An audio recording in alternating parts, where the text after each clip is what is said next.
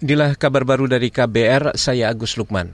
Saudara Presiden Joko Widodo meminta ada perbaikan layanan mudik di Pelabuhan Merak, Banten. Presiden Jokowi mengatakan catatan dan evaluasi tahun lalu harus dijadikan acuan perbaikan untuk arus mudik tahun ini.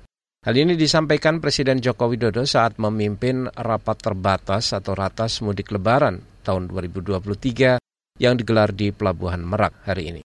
Oleh sebab itu, secara detail yang bekerja di lapangan itu harus betul-betul melihat sehingga perbaikan dari manajemen tahun yang lalu untuk arus mudiknya harus harus lebih baik.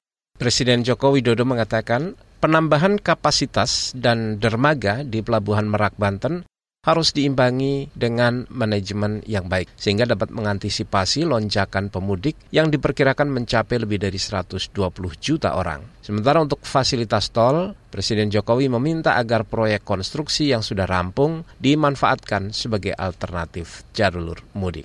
Kita ke Jawa Tengah, saudara, sekitar 140-an ribu keluarga di Kabupaten Pati, Jawa Tengah menerima bantuan pangan beras dari pemerintah. Laporan selengkapnya disampaikan kontributor Agus Pambudi. Badan Urusan Logistik Bulog Kantor Cabang Pati melepas penyaluran cadangan beras pemerintah untuk bantuan pangan 2023. Ada 146.641 keluarga penerima manfaat KPM yang akan menerima bantuan ini 10 kg per bulannya selama 3 bulan. Di wawancara usai pelepasan Selasa pagi 11 April 2023, pimpinan Perum Bulog Kantor Cabang Pati, Riki Suasono mengatakan, selain untuk menekan inflasi, beras bantuan pangan ini juga sebagai upaya untuk menangani kerawanan pangan dan kemiskinan, stunting dan gizi buruk, keadaan darurat, melindungi konsumen dan mengurangi pengeluaran bantuan pangan atau PBP sasaran. Ini kan disalurkan mulai untuk Kabupaten Pati mulai disalurkan untuk satu alokasi ini uh, dimulai pada hari ini dan diharapkan bisa rampung tersalur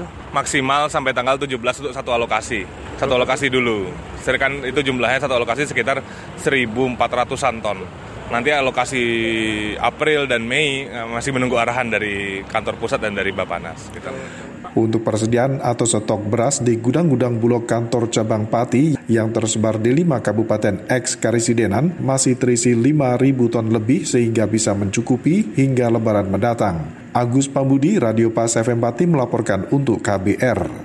Kita ke informasi olahraga, saudara hasil pengundian babak pertama turnamen Badminton Asia Championship tahun 2023 telah dirilis dan sejumlah wakil Indonesia langsung akan menghadapi lawan berat. Tunggal putra Indonesia Jonathan Christie akan menghadapi pemain Cina Si Yu Chi. Sedangkan tunggal putra Indonesia lainnya Anthony Ginting akan melawan wakil dari Taiwan Wang Suwei. Di nomor ganda putra, pasangan nomor satu dunia Fajar Alfian dan Rian Ardianto akan menghadapi wakil Cina He Jiting dan Zhou Hao Diong. Fajar Rian unggul 3-1 dalam rekor pertemuan melawan He dan Zhu sebelumnya. Sementara Muhammad Ahsan dan Hendra Setiawan serta ganda putra Indonesia Bagas Maulana dan Sohibul Fikri akan menghadapi pasangan dari babak kualifikasi. Dari nomor tunggal putri, Gregoria Mariska Tunjung akan menghadapi Pai Yupo dari Taiwan. Ganda putri Apriani dan Siti Fadia akan menghadapi Benyapan Nuntakam dari Thailand, sedangkan ganda campuran Praven Melati akan menghadapi Yohei Yamashita dan Naru Shinoya dari Jepang. Indonesia total menurunkan 18